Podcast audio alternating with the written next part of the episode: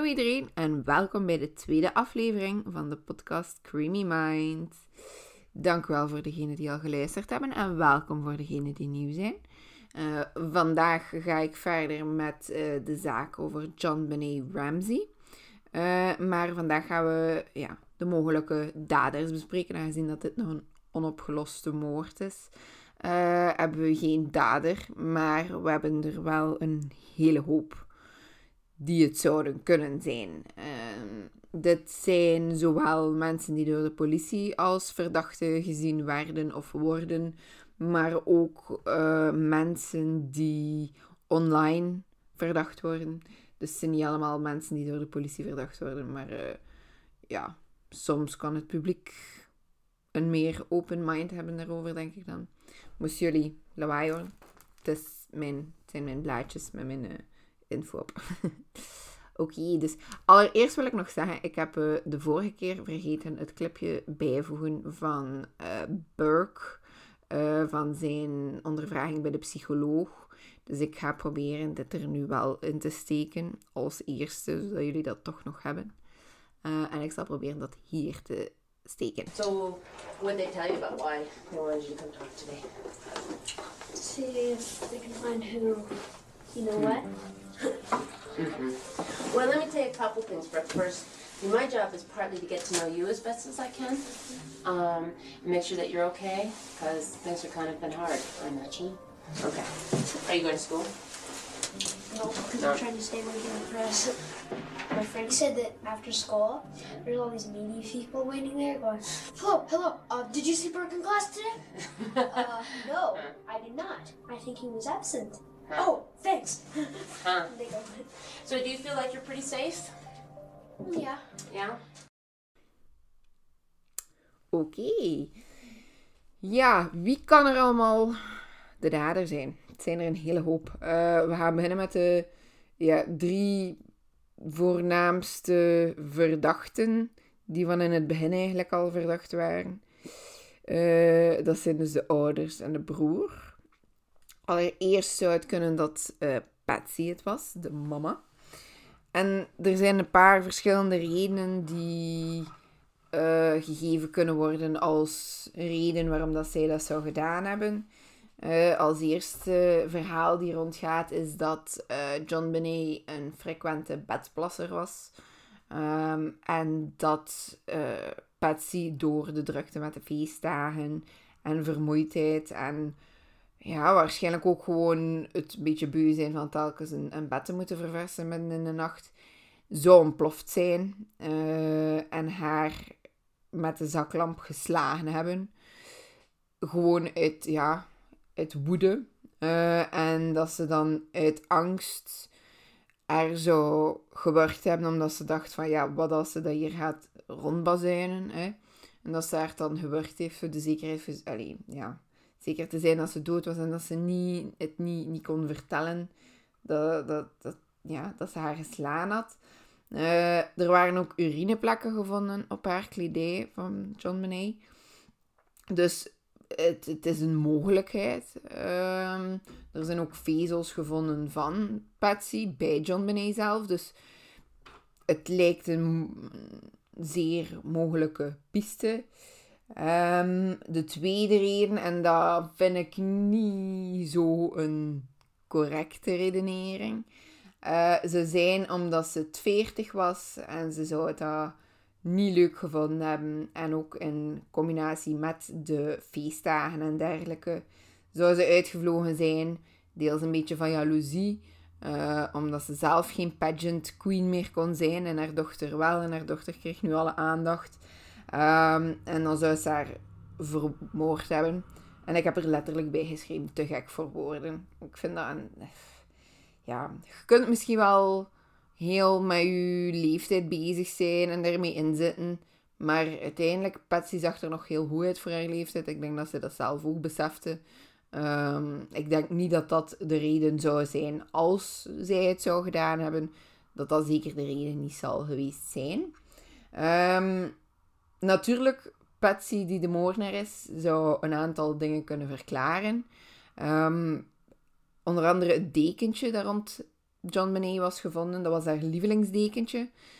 En ik vind dat dat een. Ja, ik denk dat dat een moederlijk iets is om het lievelingsdekentje van uw dochter om haar te wikkelen als je ziet dat ze dood is. Want je ziet dat ook hè, bij kindjes die begraven worden, wordt meestal hun favoriete knuffel erbij gelegd of hun favoriete dekentje of dergelijke. En ik, ja, daarmee denk ik zo van, hm, ja, dat zou wel kunnen kloppen, want het zou nu ook wel heel toevallig zijn, moest het effectief een extern persoon zijn, dus niemand van de familie zelf, dat die dat dekentje bij, bij haar legt en dat dat heel toevallig haar favoriete dekentje is. Het zou iets te toevallig zijn voor mij. Ehm, en het feit dat ze haar zo inwikkelt, in dat, dat, er, dat, dat ze ingewikkeld is in dat tekentje, geeft voor mij ook een soort van berouw weer. Dus dat ze spijt, allee, dat er spijt is dat het gebeurd is. Dat geeft van mij dan ook weer die indruk van het was misschien niet met opzet. Het was accidenteel. Um, of plots uit een woede-uitbarsting, maar zeker niet de bedoeling om te moorden. Um, en ik heb ook gewoon echt het gevoel dat dat ja, iets moederlijks is om te doen. Um, nu, natuurlijk, het kan ook zijn dat ze zelf niet John Benet heeft vermoord, uh, maar gewoon medeplichtig was. Uh, en dan komen we bij de tweede verdachte, en dat is John, de papa. Um, want toen dat er gevraagd werd aan John, toen dat zijn dochter nog vermist was, om, om het huis te doorzoeken, uh, om nog eens te kijken of dat ze zich ja, toevallig toch niet ergens verstopt had of zo, hè, um, ging John ook direct naar de kelder. En niet alleen dat, maar hij ging ook direct naar het gedeelte waar dat John Benet uiteindelijk gevonden werd. Um, dat, dat geeft een, een vreemd gevoel. Hij had ook duidelijke instructies gehad dat hij niks mocht aanraken, niks mocht verplaatsen. En toch is het eerste wat hij doet als hij haar ziet, is haar oppakken en haar naar boven dragen. Natuurlijk, als ik dan denk... Allee, ik ben zelf nog geen moeder, maar ik heb klein, allee, nichtjes. Ehm, die ik van baby... Nichtjes, neefjes, hè, die ik van baby af aan ook mee heb gemaakt en ook mee verzorgd heb. Eh, als ik zo dat moederlijke een beetje bekijk, dan kan ik mij wel inbeelden dat als je je dochter ziet liggen en ziet dat ze dood is, dat je ze direct vastpakt en dat je ze wilt veilig, een veilig gevoel geven en dergelijke. Dus langs die kant snap ik wel waarom dat hij dat gedaan heeft. Maar vanuit een true crime gedachte denk ik van, hmm, wilde nu gewoon uw eigen sporen niet uitwissen, maar een beetje coveren? Want ja, uw DNA zit nu sowieso op John Benet. Dus het DNA dat daar gevonden wordt, kan niet meer gebruikt worden als... Hé, hey, jij hebt hier iets mee te maken. Want ja, hij heeft daar vast gehad. Natuurlijk ook dat specifieke gedrag dat op die losgeldbrief stond. Doe wel denken dat dat vanuit iemand uit de, uit de dichte cirkel is geschreven. Want 118.000 dollar, dat is ook geen getal waar dat je zomaar op komt. En laat dat dan toevallig de bonus zijn die John kreeg van zijn werk. Dus het moest iemand zijn waar dat hij het aan verteld had, die vanuit de firma wist dat hij, um, dat hij zoveel ging krijgen. Of het was hemzelf. Wat dat dan natuurlijk ook weer dom is voor zelf op een brief te schrijven dat je het bedrag van je eigen bonus wilt krijgen. Maar toch, het kan.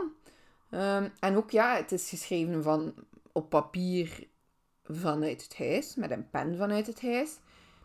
Ja, dat doet wel het gevoel geven dat het dan toch iemand was die tijd had of die dacht tijd te hebben. En wie heeft er dan tijd? Ja, degene, de, ja, degene die er woont. Want jij weet precies wanneer dat, dat je de politie gaat bellen, wanneer dat er iemand binnenkomt. Allee, het is je eigen huis, tuurlijk, ja. Dus dat heeft toch ook wel een, een vreemd gevoel. En ja, dan ging er uiteindelijk ook nog de ronde dat John zijn eigen dochter seksueel zou misbruikt hebben. Even uh, waarschuwing voor al de gevoelige luisters. luisteraars. Excuseer. Um, er komen wel een paar details zeg maar, in voor, maar toch, als je daar niet goed tegen kunt, misschien toch niet luisteren. Um, dus ja, er werd gedacht dat, eh, dat ze seksueel misbruikt zou geweest zijn. En dat dan nog door haar eigen vader. En dat voornamelijk ook omdat zijn DNA in haar onderbroek gevonden werd.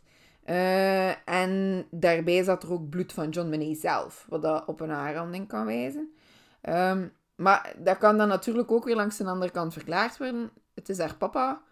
Ze heeft misschien die nacht in haar bed geplast. Hij heeft daar een vers onderbroek aan gedaan. En daardoor komt zijn DNA in haar onderbroek terecht. Het kan zelfs al simpel zijn omdat hij de was weglegt. Dat zijn DNA in dat onderbroek komt. Ik vond niet direct welk soort DNA dat was. Als het gewoon huidschilfers waren of dergelijke, of, of zweet. Ja, ik heb ook vaak klamme handjes en dergelijke. Als ik het ondergoed hier wegleg, ja, mijn DNA zit er ook op. Dat, ja, dus dat zou wel logisch kunnen lijken. Um, daarnaast is ja, het is gewoon niet abnormaal dat ouders hun DNA op hun eigen kinderen, hun kledij zit. Maar toch, als je erover nadenkt, zou het wel een beetje verdacht kunnen zijn. Dan heb je ook nog de broer, Burke. Hij was negen jaar op het moment dat zijn zusje vermoord werd. Um, en daarvan uh, gaat het verhaal rond dat hij um, een kommetje met ananas en melk zou genomen hebben als midnight snack. Wat dat dan zou verklaren waarom dat, kommetje daar stond en niet geprepareerd zou geweest zijn zoals dat Patsy het normaal gezien zou doen. En het zou zijn dat John Benet zelf ook hoorde dat Burke naar beneden sloop. Ze is gevolgd en ze heeft een stukje ananas gepikt uit het kommetje van Burke. En Burke zou daarop boos geworden zijn. Zou de zaklamp die op de tafel stond vastgenomen hebben en haar geslagen hebben op het hoofd. Um, wat ik in de vorige aflevering niet had verteld, uh, was dat er twee kleine soort cirkelachtige wondjes op haar uh, rug waren gevonden. In een uh, latere verdachte gaan we horen dat dat ook van een taser kan komen. Maar er werd ook gedacht dat dat eventueel van het treinsetje van Burke kon zijn. En in dit verhaal zou het dan zo zijn dat hij, ja, hij, was wel gepanikeerd en hij wou kijken of dat ze nog wakker was. Hè. En hij heeft dan een stuk van die trein, allee, die treinspoor genomen om van op een afstand haar te kunnen porren, voor te kijken, hij beweegt hier nog.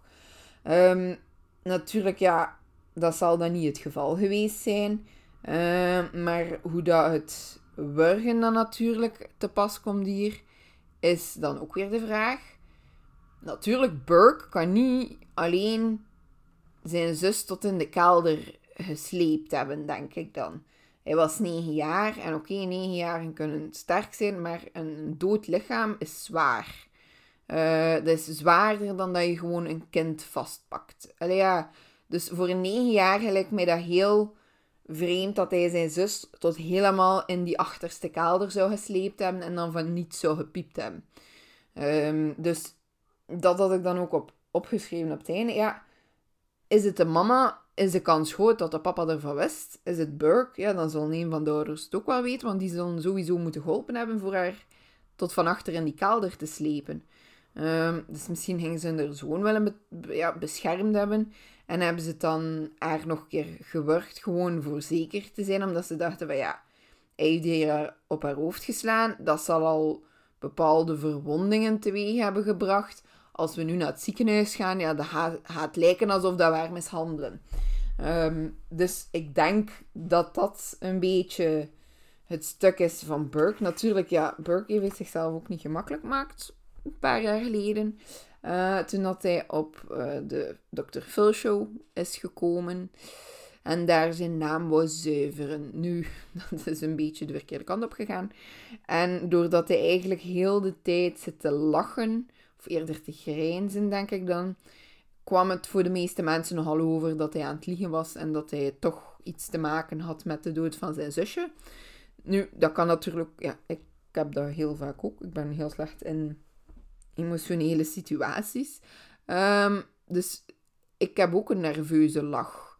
Dus als er een situatie moeilijk is, dan ga ik ook beginnen lachen. Natuurlijk, eh, of dat ik dat in die mate zoals dat jij dat gedaan heeft zou doen, ben ik niet zo van overtuigd, maar het kan. Dan verdachte nummer 4. Gary Oliva. Oliva. Oliva? Ik weet ook niet hoe dat wordt uitgesproken. Ehm, dat is een 32-jarige gekende seksdelinquent op dat moment, die niet zo heel ver van de buurt van John Benet Ramsey woont. Ehm, hij werd ehm, gevonden met een krantenknipsel of dergelijke van John Benet in zijn rugzak. Toen dat hij aangehouden werd voor drugsfeiten. Maar dat was wel in het jaar 2000. Dus ja, dat kan ook zijn omdat hij gefascineerd was door de zaak.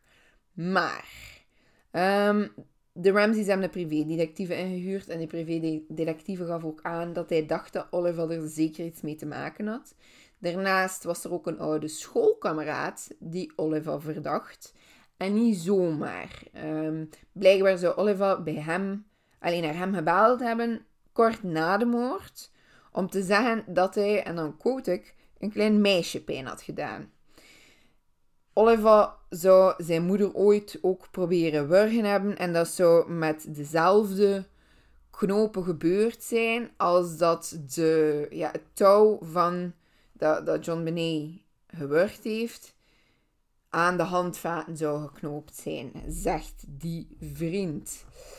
Daarbij zou het ook kunnen zijn dat de twee wondjes, zoals ik daarnet zei, op erg van een taser komen. En laat het nu net Oliver zijn die net tijdens die periode met een taser rondliep. Dus ja, het is ook een heel goede verdachte. Maar daarbij denk ik dan ook elke seksdelinquent in de buurt zal wel verdacht geweest zijn. En dat hoeft daarom niet per se die persoon geweest te zijn. Het is nu natuurlijk wel heel raar dat zijn oude kameraad zegt van ja, maar ja, heeft dat hier tegen mij gezegd? Maar dan denk ik van waarom zou hij naar u bellen als je een oude schoolkameraad bent? Ik kan me inbeelden dat als je heel goede vriend bent, zeker als 32-jarige, dat je dan waarschijnlijk wel elkaar gaat bellen als er iets, iets gebeurt, iets voorvalt.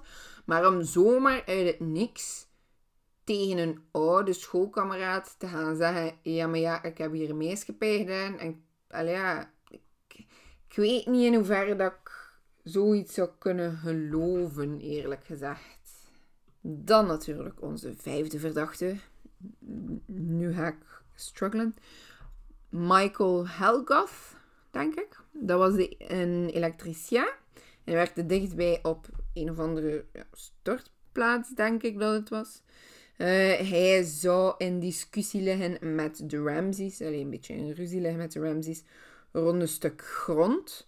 Ehm, en er wordt gedacht dat hij als wraakactie tegen John dan eerder, ehm, dat hij John Benet heeft ontvoerd. Dat hij haar effectief ook echt wil ontvoeren en, en een losgeldbrief schrijven voor geld te kunnen claimen dat hij waarschijnlijk dacht dat voor hem bedoeld was. Um, maar ja, ik heb het daar ook een klein beetje moeilijk mee. Um, omdat ja, waarom zou je ze dan vermoorden als je echt dat geld wilt? Uh, tenzij dat echt gewoon wraak was van jij doet meer pijn, ik ga u een keer pijnen. Um, wat wel vreemd is, um, is dat hij twee dagen nadat hij als verdachte gezien wordt door de politie, is hij dood teruggevonden. Officiële doodsoorzaak is zelfmoord, maar hier wordt het dus een beetje raar.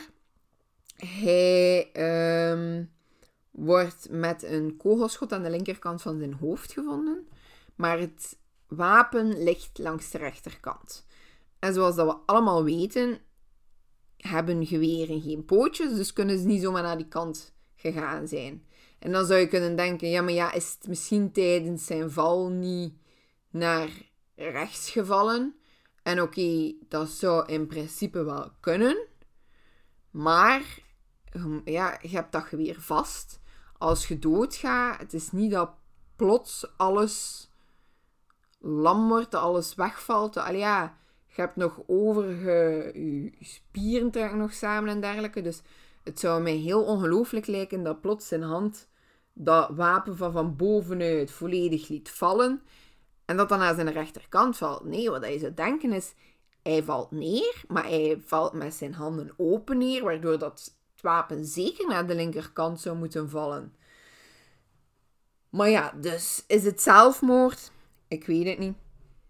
Als ik het zo las, was ik aan het twijfelen. Eh, is het dan toch zelfmoord? Ja, dan is het wel een beetje vreemd dat je vlak achter dat je hoort dat je misschien een verdachte bent, zelfmoord pleegt. Is het geen zelfmoord? Ja, wie heeft dat gedaan? Wie heeft er hem vermoord? Eh, er zijn natuurlijk twee verhalen daar weer rond. Eén, zouden de Ramses kunnen geweest zijn, of in opdracht van de Ramses. Omdat zij denken dat hij het gedaan heeft en dat, hij, ja, dat ze hem worden terugnemen op dat vlak. Ehm, maar uh, wat dat er ook wordt gedacht is dat ja, Michael zelf effectief de moordenaar was van John Benet, maar dat hij een medeplichtige had. Dus iemand die hem heeft meegeholpen en dat die hem zou vermoord hebben om hem het zwijgen op te leggen. Het zou alle twee kunnen. Het zou ook zomaar zelfmoord kunnen zijn. Maar dat gaan we denk ik ja, nooit meer te weten komen. Um, hij is normaal gezien, als ik het me goed herinner, um, ook. Is hij vrijgesproken? Hm, ik dacht gelezen te hebben dat zijn. Ah ja, kijk ja. Uh, uiteindelijk zou hij via DNA toch ook uitgesloten, uitgesloten zijn als dader. Dus is, ja, het blijft vreemd dat hij dood is teruggevonden. Maar ja, als het geen zelfmoord was, maar bijvoorbeeld moord door ja, iemand die de Ramses hebben inhuurt omdat ze dachten dat hij de dader was, ja, dan kan dat allemaal verklaren. Maar het is allemaal een beetje raar. Maar heel de zaak is een beetje raar, dus dat is niet zo abnormaal. Um, dader, eventuele dader 6, uh, eh, dat was John Mark Carr. Was voormalig leerkracht die het zijn eigen eigenlijk een beetje moeilijk heeft gemaakt. Um, hij was in Thailand toen dat hij werd opgepakt wegens feiten vanuit de Verenigde Staten um, in verband met kinderpornografie. Um, een, professor uh, die Michael Tracy noemt van de Universiteit van Colorado Boulder, dus van de regio waar dat uh, John Benet van was, zou een documentaire maken over de dood van John Benet. Laten we allemaal even ondertussen tellen hoeveel keer dat ik de naam al wel niet gezegd heb en gezegd zal hebben tegen het einde van de aflevering. Um, ja, hij zou daar dus naar gemaild hebben in verband met die documentaire, maar plots zouden die mails een beetje een donkerdere tint gekregen hebben. Uh, dus dat gebeurde allemaal in Thailand. Uh, hij zou daar beginnen vertellen hebben dat hij een enorme seksuele fantasie heeft rond uh, John Benet. Um, en natuurlijk, ja, de professor lichtte de autoriteiten in. En daardoor is hij dan ook overgezet geweest naar de Verenigde Staten. Is hij direct naar Boulder mogen gaan voor het allemaal te gaan uitleggen. En hij verklaarde, even ook trigger warning, hij verklaarde dat um, hij het meisje, John Benet, zou um, gedrogeerd hebben, dan seksueel misbruikt en dat hij haar dan zou geworgd hebben na, volgens hem, een misgelopen love game. Um, hij was ook wel uitgesloten door DNA, dus zijn DNA is niet gevonden geweest in het huis of op John Benet. Dus ja, ze nemen het als een, een soort van valse verklaring, een false confession. Maar natuurlijk, ja, het is. Waarom zouden zoiets gaan verklaren, natuurlijk? Maar pas op, er zijn er heel veel die het al gedaan hebben.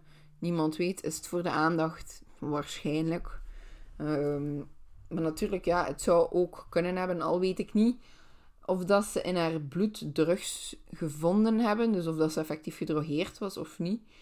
Um, maar ja, ja, dat is dus ook een goede, uh, een goede verdachte.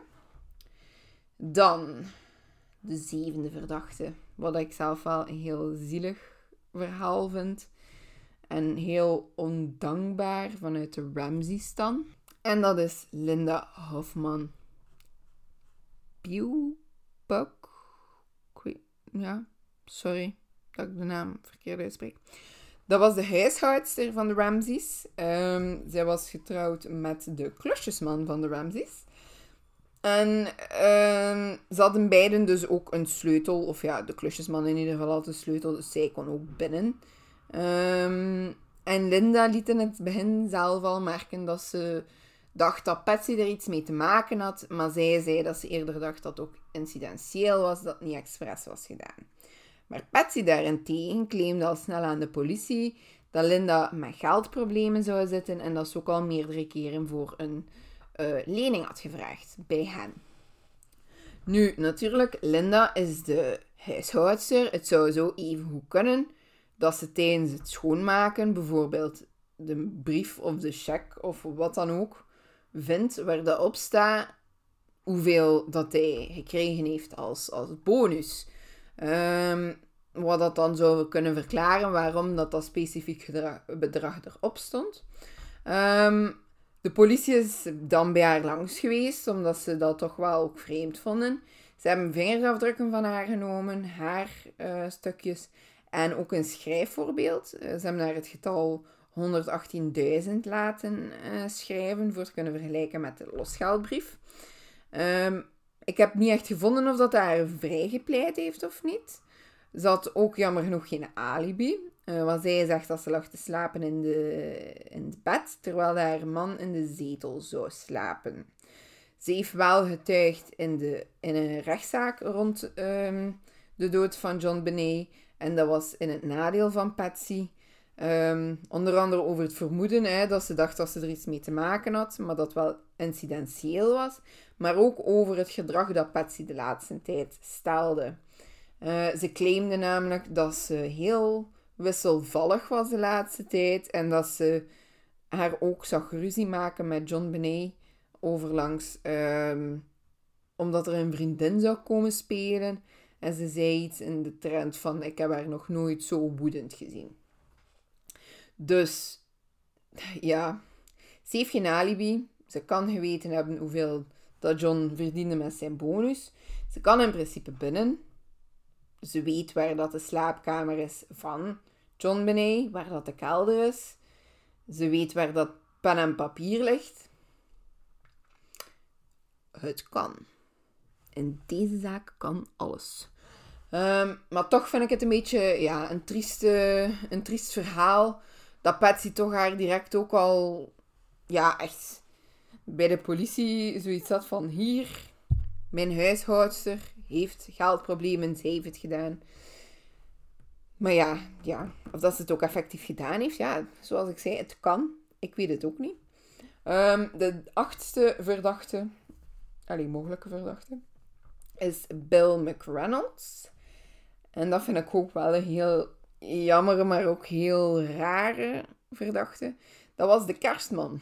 Dat heb ik op het einde van mijn vorige aflevering ook gezegd, dat de kerstman verdacht was. Dat was een vriend van de Ramses, uh, die in de buurt woonde en die zich verkleedde rond kerst als de kerstman. Om de buurtkinderen ja, een leuk kerstgevoel te geven en te doen alsof dat ze de, de kerstman eh, zagen en tegenkwamen. Uh, maar blijkbaar zou hij een, uh, ja, een heel vreemde band gehad hebben met John Benet en haar als soort van special friend van de kerstman gemaakt zou hebben. Hij zou ook een speciaal bezoek voor haar uh, georganiseerd hebben met kerst. Um, en dan zou John Benet hem een potje met glitters moeten gegeven hebben of zoiets. Um, en die zou hij volgens sommige bronnen meegenomen hebben naar zijn hartoperatie. Als good luck, een beetje, denk ik. Um, hij had ook gezegd tegen zijn vrouw dat als hij te overlijden zou komen, dat die glitters met zijn assen moesten gemengd worden, dat dat bij elkaar moest en dat dat dan zo uitgestrooid mocht worden. Vreemd, maar oké. Hij is dan ook jammer genoeg wel overleden, dus we gaan hem ook niet meer kunnen vragen. Ehm, nu ja, is dat vreemd? Of is dat gewoon een oude lieve man die, die een kindervriend was, die zo blij was dat hij dat gekregen had, omdat John Benet misschien echt wel gewoon super lief kind was, waar dat hij een goede band mee had. Ja, ja ik, vind het, ik vind het jammer voor over een dode man slecht te praten. Want ja, we kunnen hem niet meer vragen, we kunnen hem niet meer vragen waarom dat hij dat gedaan heeft. Zijn vrouw, ja, ik heb daar niet veel van teruggevonden, dus die zal ook nooit echt iets gezegd hebben. En ik vind het, ja, ik vind het ook een beetje een jammere verdachte. Want uiteindelijk, ja, uh, hij is een kerstman. Hij wil, de kindjes ook alleen maar gelukkig maken. Maar natuurlijk de creepy old kerstman die achter de kindjes aan zit. Het zou geen first zijn, dus mogelijk. Um, dan nummer 9 is een korte. is Chris Wolf. Um, zijn partner Jacqueline Dilson zei dat hij op de nacht van 25 en 26 december een hele nacht weg is geweest. En dat toen dat hij terugkwam, dat zijn kleren ook vuil waren. Uh, zij steten ook dat zijn geschrift heel hard lijkt op dat van de losgeldbrief. Uh, en de, een van de experts in geschrift en dergelijke, Lloyd Cunningham, kon hem ook niet uitsluiten. Uh, dus hij kon ook niet zeggen dat zijn geschrift niet hetzelfde was als dat op de losgeldbrief. Ik kon ook niet zeggen dat het hetzelfde was, maar ik kon hem niet uitsluiten. Dus dat was een kortje. Tot fus, nummer 10 is ook een korte. Daar zijn er ook weinig bewijzen van en daar vind ik ook heel weinig van terug. Maar één artikel zei dat hij ook um, een verdachte zou kunnen zijn. En dat komt omdat zijn vrouw, die toen gevangen zat, claimde dat, dat hun dochter uh, in dezelfde pageants meedeed als John Benet. En dat hij haar daaruit kende en daarom de dader was. That's it. Geen bewijs, niks. Ik denk dan eerder van oké, ze gewoon een deal maken. Ze wil sneller uit de gevangenis komen. Het zou ook niet de eerste keer zijn dat er zo valse dingen worden verspreid puur om sneller uit de gevangenis te kunnen komen. Of was het gewoon als ja, wraakactie naar haar man toe. Uh, dat kan ook, maar ik denk eerlijk gezegd zelf niet dat tot Fus er iets mee zou kunnen te maken hebben.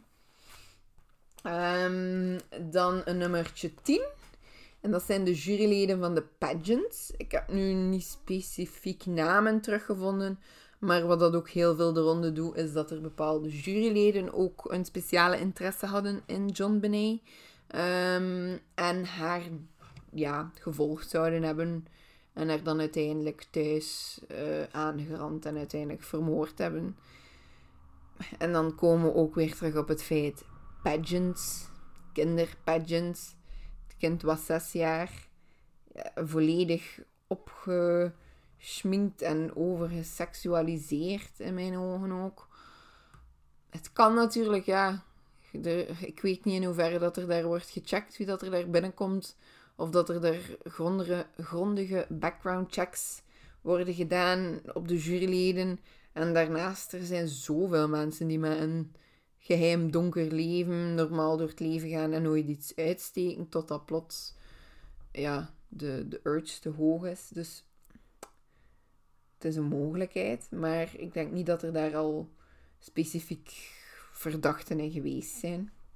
Als laatste verdachte, nummertje 12, is Randy Simmons. Uh, dat was een fotograaf die Ramsey dan ingehuurd. Again, voor pageantfoto's te maken in juni van 96. Um, ehm, hij zou die foto's dan ook verkocht hebben voor 7500 dollar.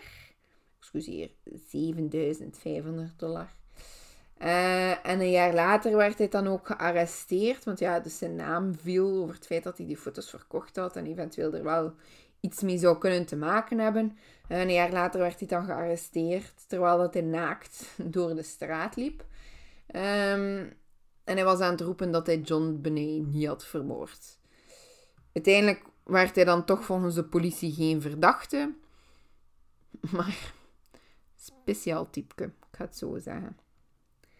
Um, dus dat waren eigenlijk alle verdachten. Het waren er een hele hoop. Natuurlijk, bij onopgeloste moorden hebben ze dat altijd.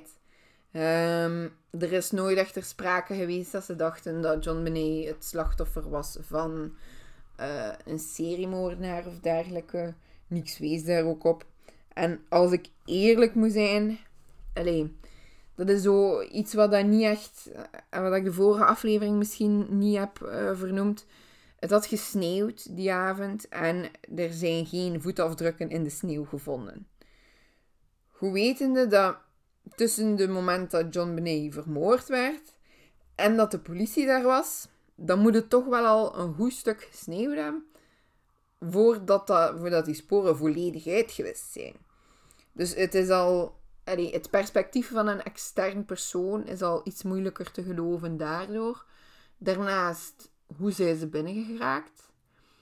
Als we kijken naar Linda, de huishoudster, ja, dat kan zijn dat ze met een sleutel binnen is geraakt, want er was geen, allee, er was geen bewijs dat de deur geforceerd was. Je zou dan kunnen denken, oké, maar dat raam was kapot, dus er kan heel gemakkelijk iemand door dat raam zijn gekropen. Ja. En nee. Het was een heel klein raam. Als je de tijd hebt, moet je het maar eens opzoeken. Het is echt geen groot raam. Uh, dus je moet al aan de smallere kant zijn voor daar perfect door te geraken. En wat bedoel ik daarmee? Er zijn spinnenwebben gevonden uh, rond en over het raam. Dus waar dat open was, er een spinnenweb gevonden. We weten allemaal dat spinnen heel snel webben kunnen maken. Dat is... Dat, dat is.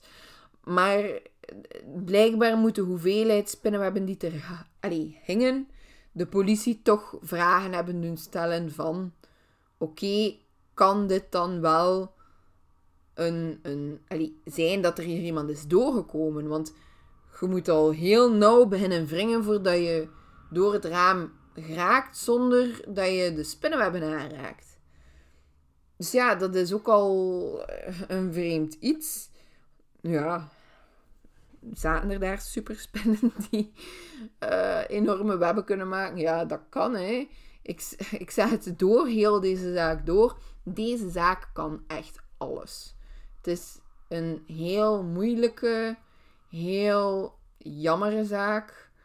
Uh, en het is spijtig dat de crime scene zo slecht behouden is geweest, want ik ben ervan overtuigd dat er zoveel DNA kwijt is gespeeld daardoor. Dat er zoveel uh, duidelijke aanwijzingen niet konden bekeken worden, weg waren. Allee, ik weet het niet. Het was politie. Allee, in Amerika, ja, in België ook, maar oké.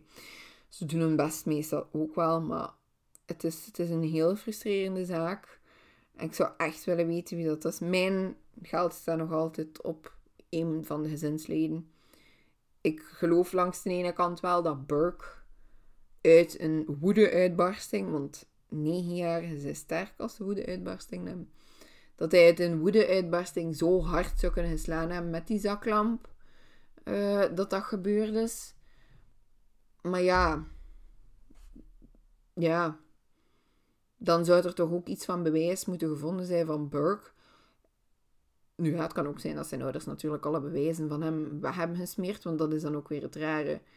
Allee, er zijn bijna geen vingerafdrukken gevonden geweest op de zaklamp.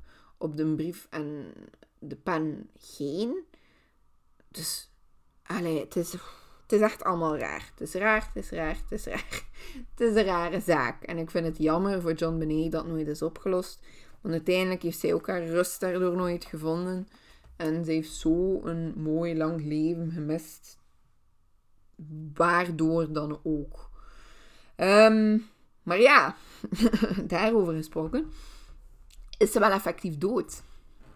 Ja, dat is dus de vraag die vele mensen, alleen de conspiracy theorists, zich afvragen. Leeft ze eigenlijk nog? Want uh, het gaat erom dat ze eigenlijk Katy Perry is. Dat ze van naam veranderd is en dat ze Katy Perry is. Om eerlijk te zijn, ik zie de gelijkenissen niet echt. Uh, dus het is niet echt uh, iets wat ik zou ingeloven. Uiteindelijk, ja, weet je, de politie heeft haar lichaam gezien. Iedereen die daar binnen was, heeft haar lichaam gezien. Ik denk dat heel, heel, heel minime kans is dat ze eigenlijk niet dood was. Maar oké, dat terzijde. Ik heb dan ook gezocht naar zaken die er eventueel aan gelinkt konden worden. Maar zoals ik daarnet zei, er is geen vermoeden van een seriemoordenaar of dergelijke. Uh, en daardoor heb ik, allee, ik heb ook echt geen zaken gevonden die terecht aan gelinkt kunnen worden. Natuurlijk, er zijn bepaalde zaken uh, kan u niet direct op de naam komen van de zaak. Die gelijkaardig zijn. Maar die niks met elkaar te maken hebben, of dan ook gewoon niet in hetzelfde decennia zou gebeurd zijn, dus die eigenlijk ook echt er niks mee te maken zouden hebben. Ik hoop dat jullie het een interessante aflevering vonden. Ik vond het heel interessant voor op te zoeken.